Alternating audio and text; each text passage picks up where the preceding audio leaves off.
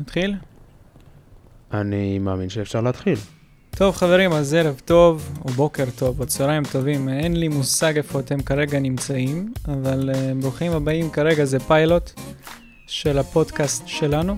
עניין של הפודקאסט והמהות הפודקאסט זה פשוט לחזור על החומר שבועי של uh, שבוע שעבר, נגיד, אז uh, פשוט לחזק את הדברים החשובים שצריך לדבר עליהם, לדעתנו, ואתם uh, מוזמנים להצטרף אלינו. אנחנו נשתדל להוציא את uh, פודקאסט כל שבוע. נשתדל גם לעשות שזה יהיה כמה שיותר באמת מדויק, ואם פתאום שומעים טעויות או איזה שהם תקלות, נורא נשמח שתגידו לנו, שתשלחו לנו, בין אם זה בכיתה או בין אם זה בוואטסאפ. אתם מכירים אותנו. היום אנחנו נדבר על השבוע שהתחלנו את הלימודים בעצם, על כל העניין של האישה וילדים. האמת, באמת שזה ממש כאילו מלא. שמת לב? זה כן. כבר בשבוע אחד, ופתאום בום, ברוכים. הבאים לסיעוד המבוגר 2.0. נכון. אז כבר על ההתחלה, ממש התחלנו עם סיעוד הילד, ופשוט התחילו ללמד אותנו כבר על גדילה והתפתחות. שזה היה משהו באמת פשוט עם מלא מידע, שאנחנו כבר מכירים בעיקרון, אבל אף פעם לא באמת ראינו את הנתונים האלה. נכון. אה, את העקומה, את העקומה גדילה זה באמת משהו שמשתמשים בו באחוזון, שזה מייצג את אחוז הילדים שנמצאים בערך, מצוין או מתחתיו. והאחוזים, אם אתם זוכרים בכיתה, כל מי שהיה ומי שלא היה, מומלץ להגיע לכיתה גם, אז זה 97, 85, 50, שזה הממוצע, 15 ו-3. מה זה אומר בעצם? נגיד לדוגמה, נולדה לנו איזושהי ילדה, שהיא נמצאת בקו אחוזון 85 של משקל. זה אומר ש-80% מילדים בגיל מסוים נמצאים מתחת למשקל שלה, ובערך 15% נמצאים מעליה. אז יש לנו כל מיני סוגי עקומות גדילה, משקל זה אחד מהם שדיברתי עליו עכשיו, יש גם לאורך, יש להיקף ראש, וזה גם מתחלק לגילאים. זה מתחיל בין 0 ל-2 שנים, ויש לנו גם בהמשך משנתיים עד ל-6 שנים, שבתחום השני אנחנו כבר מדברים על משקל, גובה לעומת אורך, ו-BMI. מה זה באמת גובה ואורך? זה כאילו זה, זה נשמע אותם שני מושגים בתכלס, אבל זה לא. כי האורך זה כשמשתמשים בשולחן מדידה, ששמים את הילד ומודדים את כל האורך שלו בשכיבה, מכף רגל עד ראש, והגובה זה על הרצפה. על כשהוא עומד במשטח יציב, אפשר באמת לשתף איתו פעולה, שהוא יעמוד עם גב זקוף. אז למה יש הבדל הזה? כאילו, למה הוא חשוב לנו? הוא חשוב כי בסופו של דבר זה תלוי בגיל של הילד, במה נשתמש כדי למדוד אותו. אתה לא עכשיו תיקח ילד בן חצי שנה ותשים אותו על סרגל מדידה רגיל, כמו שאנחנו רגילים אליו. כן, כי הוא, כי הוא לא יעמוד uh, בצורה תקינה, זה, בדיוק. זה, זה ברור, אבל אם אנחנו כן. ניקח uh, מישהו שהוא כבר uh, יותר עלה בגיל בעצם, לדוגמה. אז גיל שנתיים, שנתיים אוקיי. וחצי, ש... אז כן. בגיל שנתיים וחצי באמת תתחיל עכשיו למדוד אותו ב... אתה יודע, מעט גו- מעט גובה רגיל, עם אוקיי. הסרגל שכולנו רגילים אליו. אוקיי. נדבר על זה גם בהמשך. אז איך באמת מודדים את כל הדברים האלה? לפני שבכלל מדברים על המדידות, על איך עושים את זה, צריך להכין דברים מראש. בנוגע למשקל, לפני ששוקלים את הילד, צריך לאזן אותו, את הסולם לאפס, והתינוקות צריכים להישקל בעירום. ילדים גדולים עם בגדים, זה די ברור למה, הם כבר יותר רוצים אה, אחריות ושליטה על עצמם. אורך, זה, כבר דיברנו על זה, והיקף ראש, שזה משהו חדש שעכשיו אנחנו מזכירים. אף פעם לא דיברנו עליו באמת, היקף ראש זה משהו שמודדים בסנטימטרים עד גיל שנתיים, שבגיל שנתיים המרפסים נסגרים.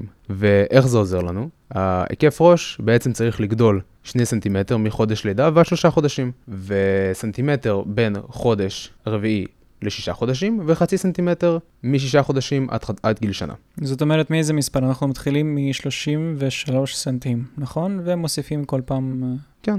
סגור. אז יש uh, מספר ממוצע, כמו שאני רואה, היקף ראש צריך להיות כן. 33 uh, סנטים. בסדר גמור. אם אנחנו גם הולכים ל... לאנטומיה של שנה א', שזה קצת חזרה בזמן של הלימודים, back in time. בדיוק. אז דיברנו גם על משהו שקוראים לו מרפסים, שהמרפסים זה החלק בגולגולת שעדיין לא נסגר כמו נכון. שצריך וצריך להיסגר עם הזמן. אז המרפס האחורי, קוראים לו פונט, פונטנלה אחורית בלטינית, נסגר עד גיל חודשיים, שישה עד שמונה שבועות, והפונטנלה הקדמית תיסגר בגיל שנה, שנה עד שנה וחצי, יכול להיות עד שנתיים. אבל בדרך כלל שנה עד שנה וחצי. ומבחינת פגים, זה בעיקרון הכל אותו דבר, אבל אנחנו נעשה את כל הבדיקות התפתחות לפי גיל מתוקן. החיסונים לעומת זאת, אנחנו נעשה את זה בכרונולוגי. כי זה חיסונים. מהרגע שהתינוק נולד, נתחיל לעשות לו את החיסונים הרגילים שלו, מרגע הלידה, החיסונים לעשות אחרי חודשיים, אחרי שלוש וכן הלאה.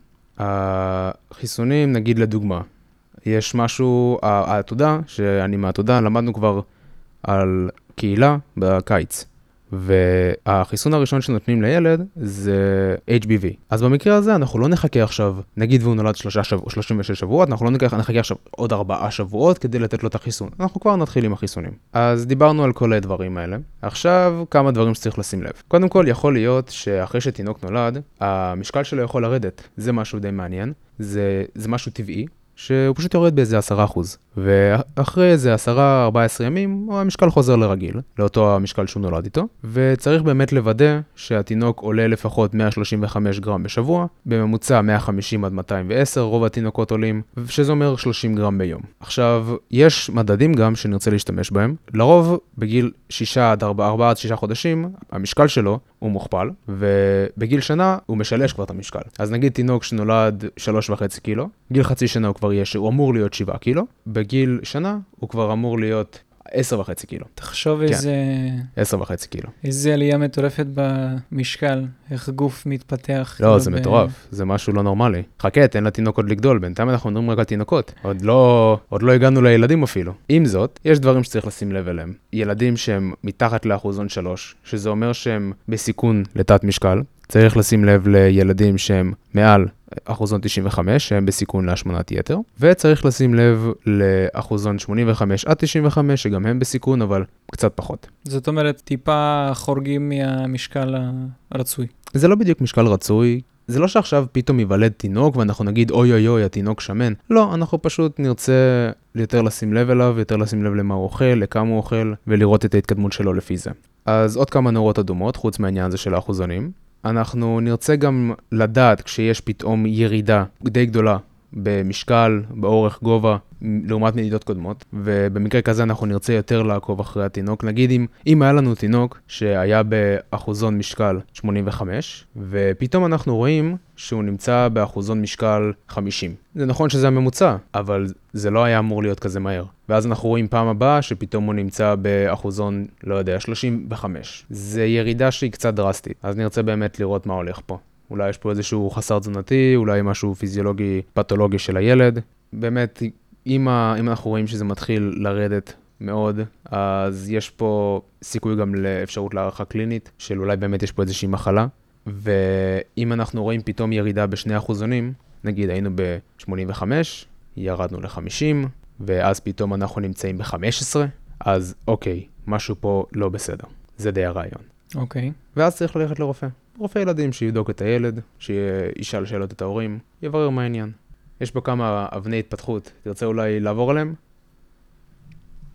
אני חושב שאנחנו צריכים לשים לב על זה שבן אדם בהתחלה מתפתח בהתחלה, אנחנו רואים את ההתפתחות של שרירים, מה שאמרנו, מרים את הראש, מנסה לסובב, אחר כך עם הגיל הוא כבר הופך להיות יותר uh, עצמאי, עם uh, פיתוח של uh, מוטוריקה, קשר עין, הבנה של מילים, uh, ניסיון כלשהו לענות על ה... מה שאתה מנסה לדבר איתו. ולאט לאט uh, בן אדם הופך להיות יותר uh, עצמאי. אנחנו רואים פה את העמידה בעצמו, הליכה, uh, ריצה ללא נפילות, זאת אומרת שהווסטיבולרי שלו מתפתח והוא הופך להיות יותר אחראי על הגוף שלו ושולט עליו. זה מאוד חשוב בסופו של דבר, גם מראייה של התפתחות פיזית של הילד, שהוא באמת יוכל לחיות בצורה ביולוגית כמו כולנו, כמו כל בני אדם. וגם זה חשוב חברתית בסופו של דבר, ופסיכולוגית, כל העניין הזה. אז כל מי שבאמת מעניין אותו העניין עם הילדים, זה עולם ומלואו בינתיים, ואנחנו לא התחלנו אפילו. כן. ועל מה כבר דיברנו? אבני התפתחות והיקף ראש. אומדנים פיזיקליים, זה גם כמו שיש למבוגרים, כמו שאנחנו זוכרים מסעוד, מסעוד המבוגר, לחץ דם, דופק, נשימה, חום, כאב, עקומת גדילה שכבר חפרנו עליה קצת. יש הרבה מאוד אומדנים שצריך לעשות, אבל אצל ילדים יש איזושהי המלצה כזאת של סדר בדיקה. של אנחנו לא נרצה להתחיל עם דברים שהם כואבים להם, כי אם עכשיו אנחנו נבוא לילד, ו... עזוב אפילו כואב, דברים שהם לא נעימים. אנחנו עכשיו נתחיל להקשיב לקולות הלב שלו, והסטטוסקופ הוא קר, החדר קר, הרבה פעמים זה מתחת לחולצה. זה יהיה, זה יהיה לילד מאוד מאוד צורב, מאוד לא נעים, יכול אפילו לכאב. אז מה אנחנו נעשה בשביל שזה לא יקרה? אנחנו נתאים את הבדיקה שלנו לגיל והשלב ההתפתחותי של הילד. אנחנו נתחיל אה, בסדר בדיקה מקובל, שעליו אנחנו נדבר בהמשך, אבל לפני הסדר, אנחנו רוצים לדבר קצת על ההכנה לבדיקה. חשוב מאוד קודם כל שהחדר לא יהיה קר, בדיוק בגלל מה שאמרתי עכשיו, ילדים נורא רגישים עוד לטמפרטורה, שזה יהיה צבעים ניטרליים, לא עכשיו משהו שיפוצץ אותם ויסיח את הדעת, משהו שיאפשר לילד להיות רגוע. תמונות נחמדות של כל מיני בעלי חיים, אתם בטח זוכרים את הרופא משפחה כשהייתם ילדים, איך החדר נראה. אה, לתת לילד לגעת, להרגיש את הציוד, לת... קצת להכיר, שידע בכלל על מה מדובר. הרבה פעמים יש גם משחקים, צעצועים שנות... שהוא יכול לשחק איתם כשהוא מחכה. כשאני, off אה, topic, כשאני כן, כן. אה, באלי אקספרס הזמנתי את היו-יו שלי לכרטיס, Mm-hmm. שמי שלא יודע, אצלי הוא, אה, יש עליו סוג של תמונה של אח, אז אה, זה די נחמד ו... וכשהזמנתי על הדרך ראיתי שיש אה, סוג של אה, כזה מתלה גומי על הסטטוסקופ, גם באליקספרס, עם כל מיני בטמנים, ספיידרמנים. אוי, איזה מגניב זה. ודברים כאלה, כן. אז אני חושב שזה בדיוק העניין uh, טוב לקנות לפדיאטר על הסטטוסקופ. ממש, לא רק לפדיאטר, בכללי, גם לאחות שמרות שמישהו מאיתנו שרוצה או רוצה להיות בילדים. זה דברים מדהימים שאפשר להשיג אתה אומר שיש כאלה. אפילו מחלקתי, נכון. זה לא, כן. זה לא עולה יותר מדי, אבל אני חושב שזה מאוד משנה את החוויה של הילד בביקור של הבית חולים או רופא. פתאום הילד רואה סימן של בטמן, האחות עובדת עם בטמן. נגיד והילד באמת שמח מהבטמן, איך אנחנו יכולים לדעת שהוא בכלל מוכן לשתף איתנו פעולה? הוא מדבר איתנו, הוא שומר על קשר עין, הוא מאפשר את המגע, הוא בוחר לשבת איפה שהוא רוצה, אם הוא רוצה שהבדיקה תהיה על כיסא או על שולחן בדיקה. ובסופו של דבר, הגול, יש לנו גולד סטנדרט אצל ילדים, לעומת מבוגרים, לבדיקה, למרות שכנראה גם אצל מבוגרים זה, זה תקף, אבל הגולד סטנדרט שלנו זה לעשות את כל המדדים האלה בשינה אם יש אופציה. כי ככה אנחנו מונעים את הלחץ אצל ילדים, זה בדרך כלל אפשרי עם תינוקות. וככה אנחנו באמת רואים את כל המדידות בצורה הכי אופטימלית. טוב, אורך, גובה, כבר דיברנו על זה, אבל בעיקרון נזכיר שיש uh, טבלה שבה אנחנו יכולים לראות את הגובה, אנחנו נשתמש בקרש מדידה, התינוק שוכב, את האורך, סליחה, התינוק שוכב, ובגובה זה אומדן לעמידה, ואנחנו נרצה שה... שאנחנו נהיה בלי נעליים, כמה שיותר משטח יציב, שזה אומר לא להשתמש בכל המדדי משקל האלה שיש עליהם גם פס גובה. כי זה מתנדנד, ואז אי אפשר באמת לדעת. זאת אומרת שהציוד צריך uh, להיות מותאם למטרה. כן, כן, בדיוק. Okay. כל אוקיי. דבר בנפרד, לא, לא צריך לערבב הכל. נכון. ומשקל, אנחנו כמובן נרצה להשתמש ב-BMI, וזה הצורה שלנו. בוא נחזור מה זה BMI. לחזור על מה זה BMI? ברור. בוא נחזור. BMI זה body mass index, איך אנחנו מחשבים אותו? Mm. זה משקל בקילוגרמים, חלקי גובה בריבוע, אוקיי? אז אתה מכפיל את הגובה, שוב, כאילו, אוקיי, כן, 1.80 כן, כן. כפול 1.80 חלקי 70. Mm-hmm. זה בעצם צריך להיות BMI. זה בעיקרון מה שיש, ובוא נדבר על דברים שלא דיברנו עליהם. מה עם חום? לא, לא ממש דיברנו על, על טמפרטורה. נכון. צריך לבדוק אותה איכשהו. יש לנו הרבה אופציות לבדיקת טמפרטורה, אני אעבור עליהם זריז, יש לנו אוראלי, בצ'כי, אוזניים, פיתה בת ועורק טמפורלי. הגולד סטנדרט שלנו זה הפיתה בת. שם יש לנו את הטמפרטורה הכי מדויקת שאפשר, אבל הבעיה עם זה, זה שזה יכול להיות סיכון לפרפורציה ודימום. בגלל זה אנחנו נרצה קצת לשמן את הקצה שלו. נכניס את זה מקסימום 2.5 סנטימטר לפיתה בת לילדים ו-1.5 סנטימטר לתינוקות. וצריך להחזיק את זה היטב וכמו שצריך. מומלץ שהילד יהיה בתנוחת צד, שכיבה אה, או שכיבה של ברכיים לכיוון בטן, לכסות את הפין של ילדים זכרים, כי זה יכול לעורר מתן שתן, ואם זה ילד קטן, אפשר גם לשים אותו על הברכיים של ההורים, לא חייב שזה יהיה על שולחן הבדיקות הקר והנורא. כן, נכון, אתה יכול פשוט כן. לפתוח טיטול, להוריד טיפה את כן. החלק האחורי. זה גם מאוד ירגיע את הילד שהוא נכון. נמצא אצל ההורים שלו נכון. ולא נכון. במקום לא ידוע. אז מדידה רקטלית תקינה היא בין 20, ו- לא, 37 ל-37 וחצי מעלות צלזיוס, ואצל תינוקות זה בין 36 וחצי ל-37.6 מעלות צלזיוס. אז די דומה, די דומה בערך, ככה שאם פתאום רואים תינוק עם מתחת ל-37, לא להיבהל, הוא לא בהיפותרמיה, עדיין. הדבר הבא זה כמובן אוראלי, מתחום של, שהוא פירוס. ניתן אותו לילד שיכול להניח דברים מתחת ללשון, מעל גיל חמש, אבל... שמבין את המשמעות של הבדיקה בדיוק. ויכול לשתף את הפעולה, כן. נכון. אבל יש דברים שיכולים להפריע לנו, כמו תמיד, בגלל שזה דרך הפד. אם הוא אכל משהו חם לפני, או קר, אה, אם הוא לועס פתאום את המד חום, זה יכול קצת לחמם אותו. משקאות חמים קרים, נשימה בפה פתוח, והטמפרטורה בסביבה כמובן גם משפיעה. כל החוקים שעברנו בסיעוד המבוגר, תוקף בדיוק. גם. במקרה הזה, כשאתם מודדים את הטמפרטורה ליד בפרס. תכלס אנחנו רואים שאין אין פה באמת יותר מדי הבדל בין סיעוד המבוגר למה שאנחנו לומדים עכשיו, זה פשוט, שורה תחתונה, שורה חברים, תחתונה. שכן, אנחנו כן. צריכים לדעת פשוט את המידות ואת האינטראקציות החשובות ופתולוגיות של הילדים, אבל בסך הכל, ילד זה בן אדם, זה לא חיה, זה אבל- לא גוף אחר. אבל- יש אה, זה חוקים לא מ- מיוחדים. זה לא מבוגר אדם. קטן. נכון. לזכור, זה לא מבוגר קטן. בדיוק. כן, יש את הדברים המיוחדים של תינוקות, שעליהם אנחנו נכון, מדברים וזה עכשיו. חשוב לדעת. אה, דופק, אנחנו נרצה לבדוק דופק אפיקלי, שאנחנו נרצה לבדוק אותו במשך דקה שלמה, לעומת מבוגרים שטוב 15 שניות ונכפיל בארבע, לא, פה אנחנו נבדוק דקה שלמה כי יש אי סדירות, ומגיל שנתיים אפשר גם להתחיל לבדוק דופק קרדיאלי. נשימה, נשימה זה בעיקר דרך האף. והיא בטנית, סופרים אותה באותה צורה כמו אצל מבוגרים, אין פה שום שינוי, גם פה דקה שלמה בגלל חוסר סדירות, וכלל מפתח זה שאם יש תינוק עם קצב נשימות מעל 60, זה חריג, והנשימה לא יעילה. זה מה שמופיע לנו בספרות בעיקרון, אבל אם אתם מעוניינים לדעת עוד, יש במצגות, אנחנו לא נחפור לכם על זה פה. יש הרבה מאוד מדדים שונים וטווחים לכל תקופת גילאים. בעיקר אה, צריך להבין את העניין הזה שככל שהילד יותר קטן, אז פעימות של הלב הן יותר, אה, זאת אומרת הארט רייט שלו יותר אה, גבוה, יותר, נכון? יותר מהיר, כן. יותר מהמם. מהיר. למה? כי אנחנו לא מדברים פה על stroke volume, אנחנו מדברים פה על נטו כמות הפעימות. נכון. אז uh, בשינה זה יורד, כשילד ער אז זה עולה, וככל שאנחנו עולים בגיל, כך כמות הדפיקות יורדת. כנ"ל בנשימות, אותו דבר בדיוק. אז זאת אומרת שככל שהרעה יותר קטנה, אז צריך לנשום יותר מהר כדי לספק את הצרכים. ככל שאנחנו עולים בגיל, זה יורד. כן. זה בעיקרון העניין, ולחץ דם, זה הנושא הבא. נושא קצר, בעיקרון צריך למדוד כל שנה לילדים מגיל 3 עד גיל ההתבגרות, וילדים שיש להם תסמינים של יתר לחץ דם במחלקות מיון ויחידות טיפול נמרץ, תינוקות בסיכון, וגודל המנג'טה, כמו שאנחנו רגילים, זה 40% מאורך היד, או כן, אורך היד. וזה בשביל לקבל את המדידה הכי מדויקת, אם אנחנו ניקח, זה סתם שכולנו נזכר, אם אנחנו ניקח מג'טה שהיא קטנה מדי, לחץ הדם יכול להיות גבוה מדי, זה ככה יראה לנו, וזה יהיה פשוט לא נכון, ולהפך, אם היא תהיה גדולה מדי, לחץ הדם יהיה קטן. אז חברים, להתאים את המנג'טה על פי המטופל. כן. זה הכלל פה.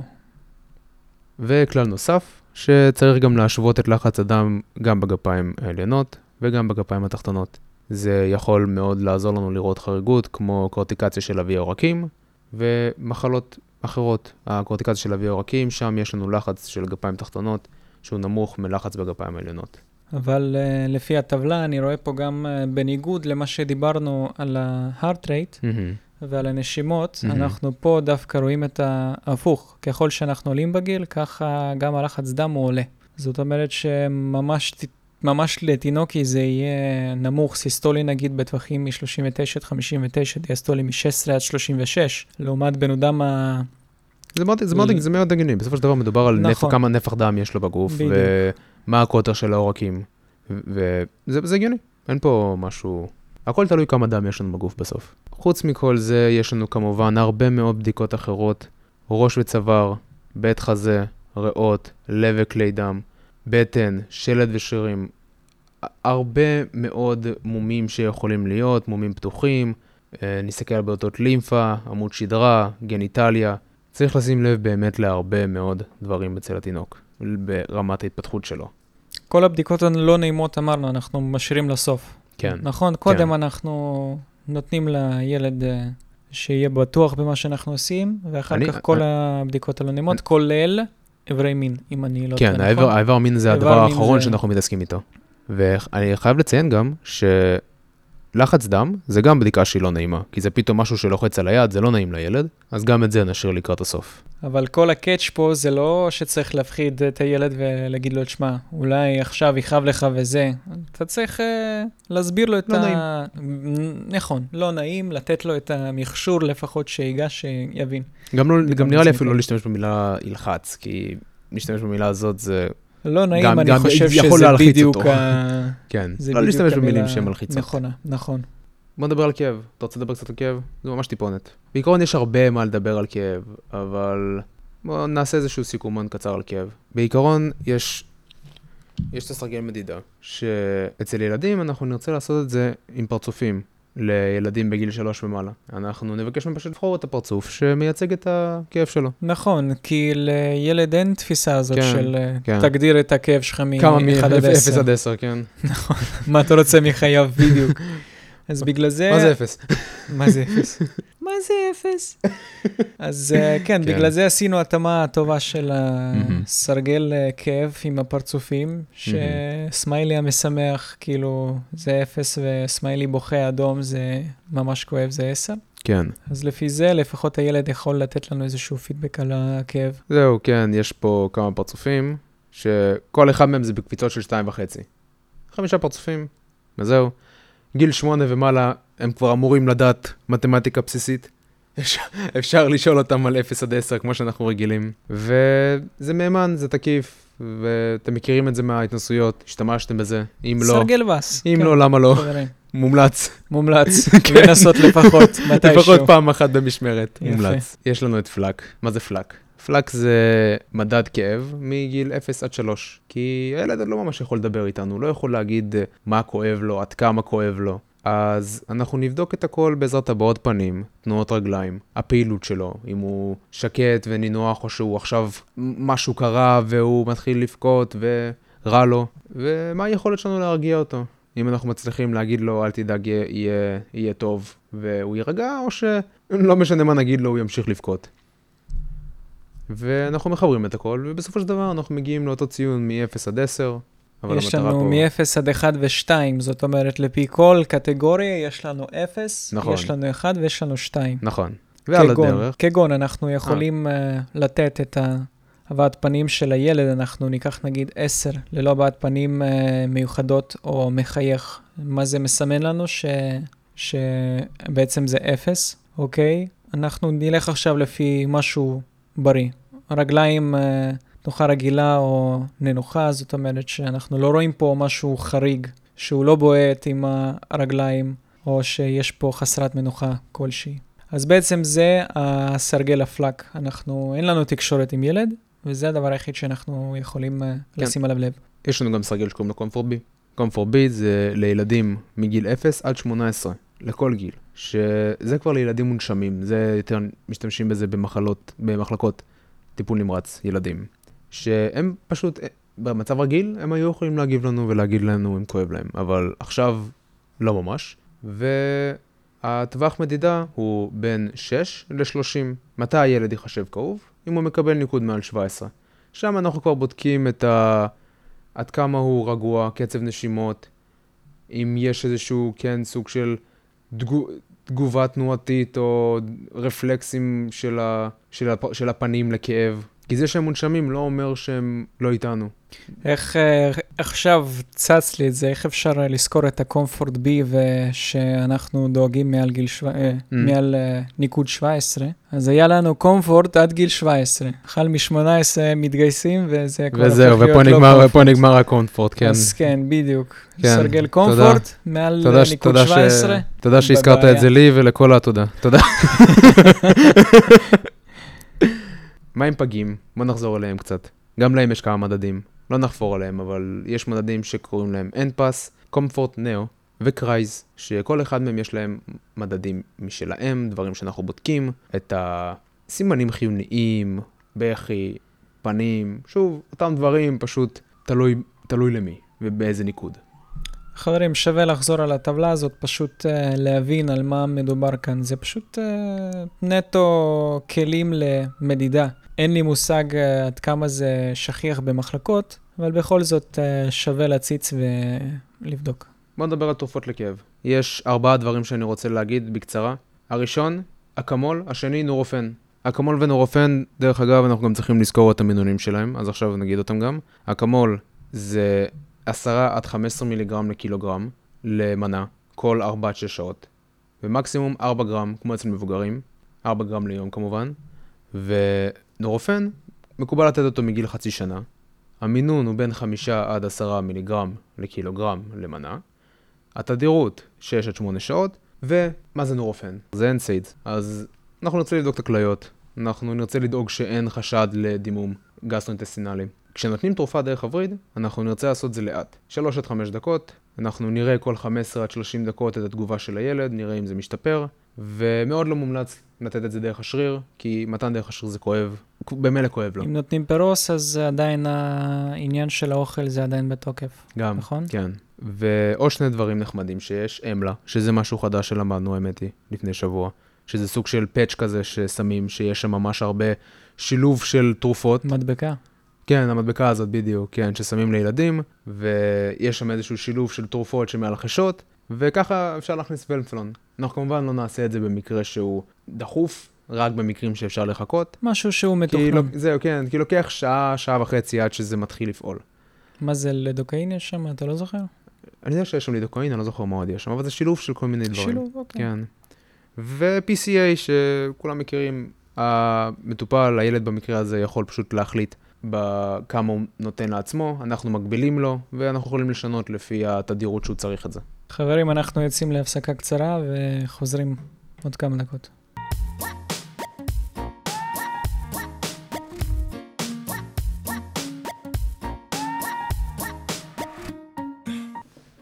אוקיי, אז תזונה בילדים, אחרי ההפסקה שלנו, יש לנו חלב אם, שהוא גולד סטנדרט, שאנחנו נרצה לתת אותו מלידה עד שישה חודשים, אם הוא לא מקבל את זה, הוא יקבל תמ"ל, ואנחנו נרצה גם לתת לו תוספות של ויטמין D3, ש-400 יוניטס, ותוסף ברזל מ-4 עד 6 חודשים, 7.5 מיליגרם. זה לא כולל בפורמולה אגב? זה לא. באמת? לא. דווקא חשבתי שפורמולה זה משהו שהוא כזה בא מוכן ו... זה בא מוכן עם הרבה ויטמינים למיניהם, אבל זה פשוט איזושהי תוספת שצריך לתת לילדים. אם זה כבר ידוע לנו מלכתחילה, אתה חושב שזה לא ידוע לחבר'ה במפעל? הזוי, צריך לבדוק. אם יש למישהו תינוק בבית, חברים, או ילד, אז בבקשה, תבדקו בקופסה של מטרנה. שלחו לנו תמונה. של המטרנה כן. ונדע לעדכן בהתאם. זה ממשיך מגיל חצי שנה עד גיל 12 חודשים, דרך אגב, עם כל התוספות התזונתיות. אנחנו נרצה עכשיו במקום 7.5 מיליגרם ברזל 15 מיליגרם, הוויטמין D נשאר אותו דבר, ומזונות משלימים, הילד יתחיל עם טחון, אחר כך מעוך. באזור 12 חודשים הוא כבר יתחיל לאכול דברים שאפשר לקחת ביד, ספגטי למיניהם. מבחינת נוזלים, מים, הרבה הורים נותנים מים לילדים, זה אם כבר נותנים מים, אז להרתיח לפחות לשתי דקות, כי המערכת חיסונית שלהם עוד לא פועלת כמו שצריך, זה יכול לגרום לזיהומים, לא משנה איזה סוג מים, להרתיח לשתי דקות. המים בעיקרון אמורים להיות לתמ"ל עד גיל שנה, ילד לא צריך מים עד גיל שנה, הוא כבר מקבל מספיק נוזלים מהחלב אם או מהתמ"ל, לא צריך סתם להביא לו גם מים. גם הקיבה שלו נורא קטנה, אז המים סתם ימלאו לו את הקיבה והוא לא יקבל אה, מספיק ויטמינים, חומרים תזונתיים, כל מה שהוא צריך. מומלץ להימנע מבישול ביתי, מזון מעובד, זה ידוע, זה ברור גם לאנשים מבוגרים. משהו מעניין זה שדבש, דבש לא נותנים עד גיל שנה, בגלל חיידק בוטולין, בוטוליניום. אחרי גיל שנה כבר לא בריאות, לא, לא משהו חובה, אבל אם רוצים אז אפשר לתת. אתה יודע, אני חושב שדבש, אם כבר התחלנו לדבר, דבש זה משהו שהוא uh, יכול uh, להוביל לאלרגיה, כמו בוטנים, ברור, כדורים כאלה. ברור, כל דבר אז, יכול להוביל לאלרגיה. זה קצת בעייתי לתת גם בגיל הזה. גם חלב יכול להוביל לאלרגיה. אני חושב עכשיו. הילד יכול להגיב לחלב אם. נכון, אבל אם כבר אנחנו מדברים אה, לתת כל מיני דברים שהם כזה בנוסף, כן. לא אוכל כמו, אלא משהו שהוא באמת ידוע כאלרגן, אז אה, זה ממש אה, לשיקול דעת. תפריט צמחוני טבעוני, טוב, צמחונים, טבעונים, סליחה, אבל כן, יש לכם קצת קצת חסרים בתזונה שלכם, אז אצל ילדים אנחנו נרצה באמת עם דיאטות טבעוניות, יותר פיקוח אה, רפואי ותזונתי, שהילד באמת יקבל את כל המינרלים, החלבונים, סידן, ברזל, כל מה שצריך, כי זה פשוט חסר, חסר אצל ב- B12 אולי גם, ב-12, כן. בעיקר. כל הדברים שבאמת חסרים בדיאטה הטבעונית. אז הברזל, למה בכלל נותנים להם ברזל? כי יכולה להיות אנמיה. אנמיה אצל תינוקות זה כשיש להם פחות מ-11 גרם לדציליטר המוגלובין בדם, בדם ורידים, בין גילאים 6 עד 35 חודשים. ולפגים זה אפילו יכול עוד יותר להיות גרוע, ומומלץ על תוספת במינון של 2 מיליגרם לקילוגרם ליום. אה, אלא אם יש איזה שהן הנחיות אחרות, אולי יותר, תלוי לפי התינוק, ובסופו של דבר יכול, אם לא מקפידים על זה, יכולה להיות אנמיה מחוסר ברזל, כי זה הדרך של הילדים להשיג את הברזל הזה. אבל, ב... אבל בדרך כלל זה הכל מתחיל מאישה, אתה יודע, גם לאישה בהיריון, אה, אם אני לא טועה, נותנים תוספות של אה, ברור, ברזל נותנים. וחומצה נותנים. פולית, וכל דבר שהוא באמת משפיע על התפתחות של אה, תינוק ברחם, נותנים. אבל אנחנו מדברים, שאתם אנחנו רואים, מדברים כן. גם הרבה על תוספות ברזל, וחשוב לי להזכיר שתוספות ברזל יכולות לגרום לשלשולים. אני מאמין שזה שלשולים, אם זה עצירות שמישהו יתקן אותי בבקשה, זה אחד מהשניים, זה פשוט גורם לאיזשהו חוסר איזון עם הפלורה הטבעית של, ה, של המעיים. רוב הסיכויים, רוב הסיכויים שזה עצירות, זה נראה לי עצירות. אנמיה מחוסר ברזל, אנחנו נרצה לעשות ספירת דם שגרתית מגיל 9 חודשים. אם נמוך מ-11 גרם לדציליטר או MCV נמוך מ-74, נפנה לרופא. וברירת מחדל זה להמשיך במתן ברזל 15 מיליגרם עד שנה וחצי. FTT, failure to thrive. failure to thrive זה כשיש לנו ירידה ביותר מ-2% מהבסיס, נמצאים, 2 אחוזונים, סליחה, לא אחוזים, אחוזונים מהבסיס, נמצאים בהתמדה מתחת לאחוזון שלישי עד חמישי, או פחות מהאחוזון ה-80 של המשקל החציוני למדידת גובה. היום בעצם מדובר על איזשהו מונח פשטני, אבל בסופו של דבר זה יכול לקרות מצריכה קלוריות לא מספקת, כמו הכנה לא נכונה של הפורמולה,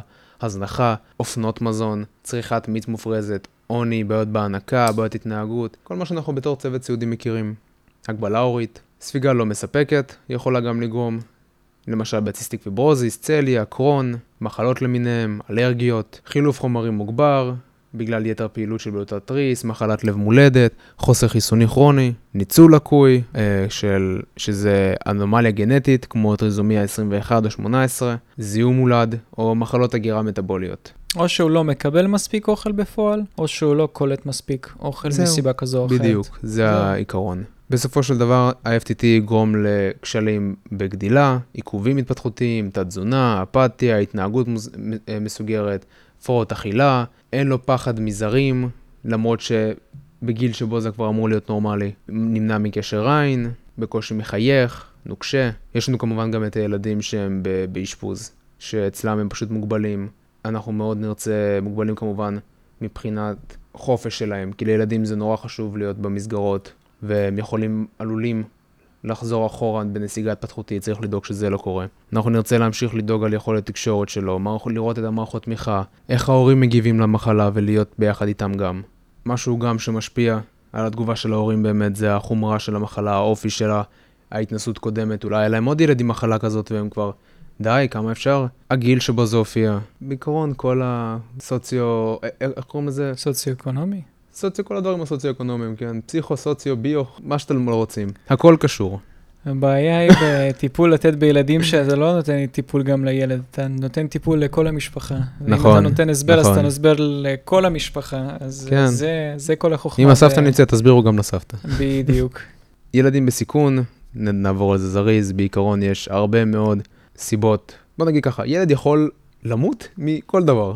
הם הבן נמצאים- אדם יכול למות מכל הם דבר. אתה נמצאים. בגיל מאוד פגיע. כן, אבל, נכון. אבל יותר ממבוגר, נכון. הרבה יותר ממבוגר. נכון. סיבה מספר אחת זה תביעות, ויש הרבה גורמי סיכון שהם המין, שזה כמובן גברים, הרבה יותר נפגעים מבנות. מזג, סטרס, שימוש באלכוהול וסמים אצל ילדים יותר מבוגרים. אני לא מאמין שילד בן שלוש משתמש באלכוהול או סמים, ואם כן, תדווחו על זה בבקשה אם אתם מכירים. זה כבר מוגזם. זה כבר מוגזם. זה מוגזם מאוד, תדברו על זה זריז. מניעה. נרצה למנוע את זה באמצעות, אה, הם לומדים בסופו של דבר בעזרת חיקוי ועקביות שמחזקת את הלמידה. אנחנו נרצה לשים להם מחסומים פיזיים שמגבילים את הילדים מלשחק ליד כלי רכב, להניח את היד שלהם על סיר חם, שיכול פתאום כל המים יכולים להישפך, מללכת ל... לשחות בלי השגחה של ההורים, לא להשאיר את הילד ברכב, שזה משהו שקורה הרבה מאוד. בסופו של דבר, כל דבר, כל דבר באמת יכול לגרום שכחת ילד ברכב, תביעה, כוויות, כוויות להבה, כוויות חשמל, כוויות שמש, קרם הגנה, מומלץ, SPF, SFP 15 ומעלה, הרעלות, הרעלות לא מכוונות, הדברה, נפילות, חנק. בגלל זה אנחנו גם לא ניתן לילדים מתחת לגיל 5 לאכול פופקורן או נקניקיות, אם, אם כבר נקניקיות אז נפרוס אותם לאורך ולא לרוחב. מכשירים גדולים ומסוכנים. חברים, לשים לב, ילדים, אה, כן, זה לא חפץ שאתה כן. שם אותו במקום, הם נעים, הם עושים בלאגן. דיברנו הרבה מאוד על ילדים. בוא נדבר קצת בזמן שנשאר לנו על הריון. על נשים. כן, אבל ספציפית בהיריון. על נשים בהיריון. נשים בהיריון. אוקיי. אם תמצא לי גבר בהיריון, תגיד לי בבקשה. מגיע לו מיליון ומשהו, נכון? משהו כזה, מאיזה מדינה, איפה זה? לא זוכר. זה איפשהו באירופה. נכון. כן. המבנה הכללי של מערכת הרבייה באישה, לחלק העליון של הרחם קוראים fundus, חלק הפנימי internal os, חלק חיצוני שפונה לנרתיק external os, מהלך ההיריון הרחם גדל, הלחץ התוכחמי גדל גם הוא, אחרי החודש השלישי, ובהמשך השריר נהיה דק יותר עד 1 עד 2 סנטימטר לקראת הלידה. האנדומטריום הופך לאנצידוע, אה, לאנצידוע בהיריון, ואספקת הדם גדלה עד 600 ל-800 מיליליטר לדקה במהלך ההיריון. שזה כמובן כבר נורה אדומה לדימומים מסיביים שיכולים להיות. משהו נורא נחמד בהיריון, זה שבמהלך ההיריון אפשר לשים לב כבר משבוע 20, 20-22 בערך, מתחילים באמת לראות ולהרגיש את הרחם באזור הטבור. ואז כל... ואז אנחנו באמת רואים את ההתקדמות הזאת כל שבוע בהתאם בסנטימטרים כזה. כל שאנחנו... שבוע בסנטימטר, אם אני לא טועה, זה כן, היה... כן, בדיוק, כל חשבון. שבוע סנטימטר. עד שאנחנו באמת מגיעים לשבוע 36, שפה כבר הרחם בשרעפת, ובהיריון הראשון, באזור שבוע 36, הרחם מתחיל לרדת בחזרה ולהתרחב, עד שבוע 40, ששם כבר מוכן ללידה. בהיריונות אחרי זה, כבר לא נראה את זה. לגבי המשקל אה, דיברנו, זה פשוט uh, הזוי. Uh, של המשקל הרחם לפי ה... לפני הריון זה 70 גרם בערך, ובסוף mm-hmm. הריון זה 1100. וואו. והנפח הרחם, חברים, תחשבו, זה ביחד עם ילד בפנים וכל המים מסביב. אז לפני הריון זה 10 מיליליטר, ובסוף הריון 5,000. 5 ליטר. כאילו תיק גב כזה קטן. 5 ליטר זה 5 קילו, בסדר? כן. אז בואו נחשוב על זה, כן. לא תיק גב לא רק מקדימה בעצם. כן, בדיוק. תנסו לעשות משהו עם 5 קילו מקדימה. לא קל. יש לנו גם משהו שקוראים לו Braxton Hicks contractions, שזה סוג של מיני צירים. לא באמת צירים, זה התכווצויות לא סדירות של הרחם, מתחיל בשבוע שביעי, בדרך כלל לא מרגישים אותם. אם כן, אז זה משהו שעוזר כנראה לס... להזרמת הדם בשליה. בדרך כלל זה לא כואב, זה לא סדיר, זה לא אמור להיות יותר משישה לשעה, וכשהאישה מתקרבת לסוף ההיריון, זה נעשה יותר תכוף, וגורם לאי נוחות, זה מכין ללידה ומזרים דם לשליה. צבא רחם, יש לנו שני סימנים כדי לראות תקינות של צבא רחם. הראשון זה גודל סיין, שצבא הרחם בעצם מתרכך, וניתן לראות את זה מהחודש השני להיריון. והשני זה Chadwick sign, שהוא מקבל צבע סגול כחול, לעומת ורוד, של הממברנה הרירית הווגינלית, וזה נוצר עקב ריבוי כלי דם באזור, ניתן לראות את זה משבוע רביעי להיריון. ובנוסף יש את ה mucus plug שמגן ממזהמים. יש לנו את השחלות, שמשם בתחילת ההיריון יוצא לנו ה-HCG, הידוע והמוכר האהוב, שהוא מתחזק את הגופיף הצהוב, הוא, הגופיף הצהוב גדל, עובר היפרטרופיה ועד לגודל של בערך שליש מהשחלה, והתפקיד שלו זה להפריש פרוגסטרון עד שהשליה בעצמה תפריש רמות מספקות, שזה בשבוע 11 בערך, והוא אמור להתנוון אחר כך ולהיעלם באזור שבוע 20. הנרתיק הוא גם עובר שינויים בעקבות אסטרוגן, האפיטל הווגינלי עובר היפרטרופיה והיפופלזיה בהיריון, יש עיבוי של רירית, הגמשה של חיבור ועליית הפרשות. ההפרשות צמיחות, לבנות וחומציות בין 3.5 ל-6 pH, זה מאוד חשוב למניעת זיהומים. עם זאת, יש נטייה לזיהומים פטרייתיים בגלל הפרשת גליקוגן. זה נגיד מעניין. כאילו, הוא מגן מכל דבר אחר, אבל דווקא, דווקא הפטריה...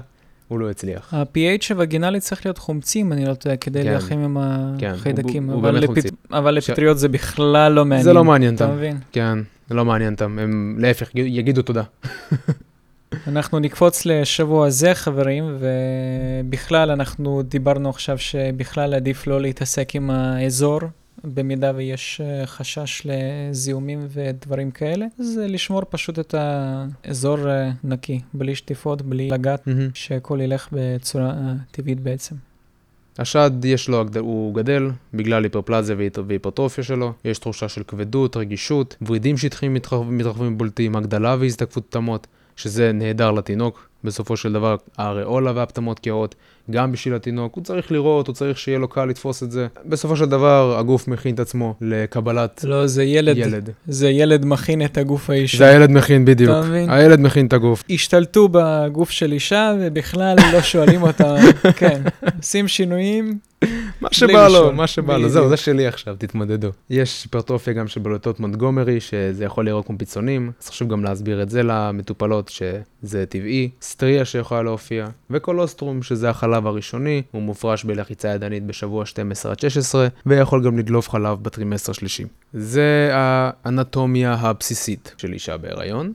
אז מה עוד, איזה עוד שינויים אנחנו נראה בגוף האישה? אז אנחנו נראה את הבצקות. אמנם שכן, כמו שאמרו שהיריון זה לא מחלה, חברים, אז uh, זה ממש לא קל. עם כל השינויים שקורים בגוף האישה, אז אנחנו מדברים על הבצקות, גודש uh, בכלי דם, בצקת ברירית האף, זאת אומרת שיש מצב שגם יהיה סוג של uh, הרגשה של גודש באף. נטייה לד- לדמם מהאף. שינויים בקול, אה, גם בגלל הגודש. אנחנו גם מדברים פה על כל מיני סימנים שיכולים להיות בגוף של אישה, על אה, סטריה, זאת אומרת שרואים את הסימני המתיחה בעור, את הליניה ניגרה, אה, גם יכולים להיות שינויים בפיגמנטציה. גם בשכיבה על הגף יש מצב שהילוד יכול להציג קצת, להפריע. בנוסף, כן, אבל מכל המשקל של הגוף, הוא יכול פשוט uh, ללחוץ על ונה קאבה. כן. פתרון הוא מאוד קל האמת היא, לבן הקו הסינדרום. אגב, עדיף כן uh, לעשות שכיבה על הצד שמאל. נדבר על עוד כמה באמת דגישים נורא קטנים שחשוב לשים לב אליהם במערכות מערכת הנשימה. אנחנו, יהיה לנו היפרוונטילציה של 30 עד 40 אחוז בלי, בלי תחיפניה, כלומר הטיידל ווליום עולה ב-30 עד 40 אחוז, אבל הקצב נשימות נשאר אותו דבר. יכול להיות קוצר נשימה בגלל העלייה במודעות לנשימה. כן, זה כל הקטע, כי כן.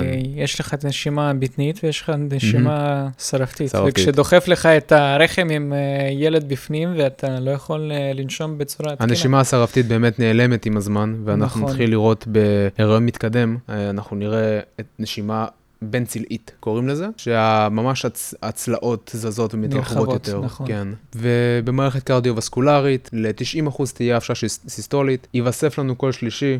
שזה פיזיולוגי ותקין בהיריון, גם הוא וגם הקול הראשון יהיו חזקים. נפח הדם עולה, עד, אה, עד שבוע 30 עד 34 להיריון יש עלייה של 40 עד 50 אחוז. עם זאת, האריתרוציטים עולים רק ב-25 אחוז, שזה גורם לפסאודואנמיה. הקצב לב עולה גם הוא ב-10 עד 15 פעימות לדקה, תפוקת הלב עולה ב-30 עד 50 אחוז, לחץ הדם יורד, דליות, בצקות, כמו שאמרנו קודם, ובגלל הפסאודואנמיה, האנמיה הפעם לא תהיה מוגדרת מתחת ל-12 כמו שאנחנו רגילים, זה יהיה מוגדר, מוגדר מתחת ל-11 מיליגרם לדציליטר בטרימסטר ראשון ושלישי, ומתחת ל-10.5 בשני. בגלל זה בדרך כלל ניתן תוספת ברזל, כבר מטרימסטר שני ועד שב... שש שבועות לאחר לידה, והמינון המינימלי הוא 30 מיליגרם לכל הנשים. אנחנו נראה קצת leukocytosis, בין 5,600 ל-12.2 אלף. אה, אנחנו יכולים לראות שזה יכול להגיע אפילו עד 20 עד 30 אלף, אה, אבל בסופו של דבר, וזה במהלך הלידה, אבל בסופו של דבר זה תקין. זה פיזיולוגי, אין פה משהו פתולוגי. תפקודי קרישה, אנחנו נראה hypercoagulation state, יהיה לנו, אבל רמת התעשיות עצמה לא משתנה, מה שמשתנה זה, התפ... זה הפקטורי קרישה, 7, 8, 9 ו-10, הם עולים, וברינדוגן עולה ב-50%. ועכשיו לחלק הכיפי, מערכת העיכול, 50% סובלות מבחילות והקאות, החניכיים מתרחבות בגלל האסטרוגן, שינויים בטעם וריח, דלקות חניכיים מסוכנות שיכולות לגרום לצירים ולידה מוקדמת, יכול להיות אה, פטיאליזם, שזה ריור יתר, צרבת, נפיחות ועצירות, חורים, היפוקולסטרולמיה, שמעלה סיכון לאבנים בכיס מרה. גרד מהצטברות מלחי מרה בגלל האבנים בכיס מרה. במערכת השתן הכליה תגדל במהלך ההיריון ב-1.5 סנטימטר, ה-GFR עולה, הפרשה מוגברת של חומצות אמינו וויטמינים מסיסים במים, גליקוזוריה, פרוטאינוריה תחשב מעל 300 מיליגרם הפעם, לא 150 כמו שאנחנו רגילים. תהיה ירידה באוריה ובקרטנין, דחיפות במתן שתן, הקיבולת של השלפוחית יורדת. בסופו של דבר חברים, הריון זה לא, זה לא משהו פשוט. זה לא משהו פשוט בכלל. לגבי מערכת אה, שלד ושרירים, אז יש גם אה, הרפיה של אה, פרקי אגן, אה, שגורם לעיתים להליכת ברווז, אוקיי? כן. אז בנוסף, ל- יש לך כדור ענק, ואת הולכת כמו ברווז, ממש לא כיף. אז אה, גם אה, יכולה להיות uh, הפרדה אה, עצמי ה pubis, זה נקרא אה, symphysiolysis. זה פתולוגי, אבל זה עובר עם הזמן אחרי הלידה. כמו שאמרו לנו בשאלה, מה אפשר לעשות את זה, אין מה לעשות, צריך לסבול. הרגשה שלי אישית באמת בתור גבר זה פשוט שני שליש מהיריון זה כזה, תסבול. פשוט תסבול. בסדר, אני אגיד לך. משהו שאמרו לי במסדרון אחרי השיעור הזה עם כל ההיריון וכל הבלגן. אתה יודע מה אמרו לי? אמרו לי, אל תדאג, חכה, לך תהיה את האישה שלך, אתה תסבול את זה גם, ביחד איתה. נכון. ואפילו יותר. מקפיצים אותך בשעה שתיים בלילה, אני רוצה גלידה עם מלפפון חמוץ, תביא כן. לי. זהו, אין מה איפה לעשות. נמצא לך עכשיו? עכשיו, עכשיו כן. מיד, כן. כן. אז הרבה דברים רעים. בסופו של דבר מדובר פה על לידה, שזה דבר נהדר. אז בואו נסיים את זה עם משהו טוב. בנות, השיער שלכן עומד להיות הכי חזק ומדהים שאי פעם תראו אותו במהלך ההיריון. אז תהנו ה- מזה. כן, תהנו מזה, קצב הגדילה של השיער יורד, מספר הזקיקים במנוחה גם יורד. זה גורם לזה שנוצר שיער הרבה יותר. תהנו מזה כמה שאפשר, כי אחר כך תהיה נשירה. למה ככה? חשבתי שבאמת אה, נסיים במשהו טוב.